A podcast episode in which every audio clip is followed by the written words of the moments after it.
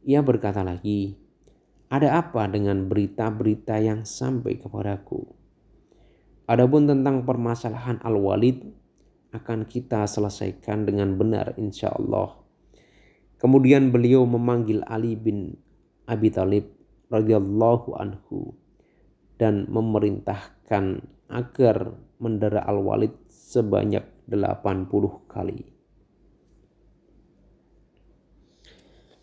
Seterusnya kabar gembira bahwa beliau mati syahid. Diriwayatkan dari kata dah bahwa Anas bin Malik radhiyallahu anhu berkata, Rasulullah Shallallahu Alaihi Wasallam memanjat gunung Uhud bersama Abu Bakar, Umar dan Utsman. Lantas gunung tersebut bergetar.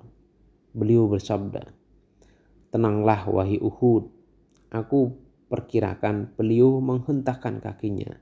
Tidak ada siapa-siapa di atasmu melainkan